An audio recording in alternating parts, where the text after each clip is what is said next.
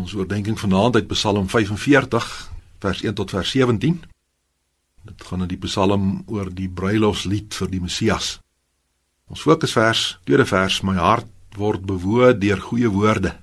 Ek dra my gedigte voor aangaande 'n koning, my tong is die pen van 'n vaardige skrywer. Die tema vir ons oordeenking, die vraag word jou hart ontroer deur die koning en sy bruid. Hierdie bruilofslied van die Koragiete is wonderlik gestruktureer. Inleiding in vers 1 en 2, dan vers 2 tot 9, die bruidegom wat aan die woord is, die bruid vers 10 tot 16 en die slot in vers 17 tot 18. Digters harte is in beroering en borrel oor in emosievolle woorde oor die bruidegom en sy bruid. Maar wie is die bruidegom?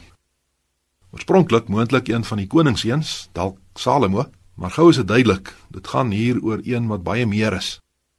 Hy skoner as die mensekinders. Genade is uitgestort op sy lippe. God het hom geseën vir ewig. Selfs sy troon is vir ewig. En sy septer is regverdigheid. Daarom sal die volke hom loof vir ewig en ewig. Die profeet Jesaja noem hierdie bruidegom die kind wat vir ons gebore is. Op wie se skouer heerskappy is. Wonderbare raadsman, sterke God, ewige Vader vredevors. Hy sê ook nog van hom dat hy soos 'n loot opgespruit het en soos 'n wortel uit die droë grond. Dat hy geen gestalte of heerlikheid gehad het dat ons hom sou aanskou nie. Ware God en ware mens. En sy bruid, sy is begeerlik vir die koning met kleding van gouddraad. Johannes noem haar kleding rein en blink fyn linne. Die regverdige dade van die heiliges. Hierdie bruid gaan met vreugde en gejuig die koning se paleis binne en onderwerp haar aan haar bruidegom koning kom jou hart nog in beroering wanneer jy dink en praat oor jou koning en sy kerk? Kom ons bid saam.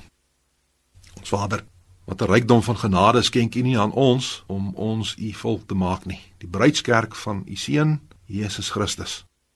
Lei ons sodat ons nie met 'n lewe van slordigheid en sonde die bruidskleed waarmee ons beklee is besoedel nie.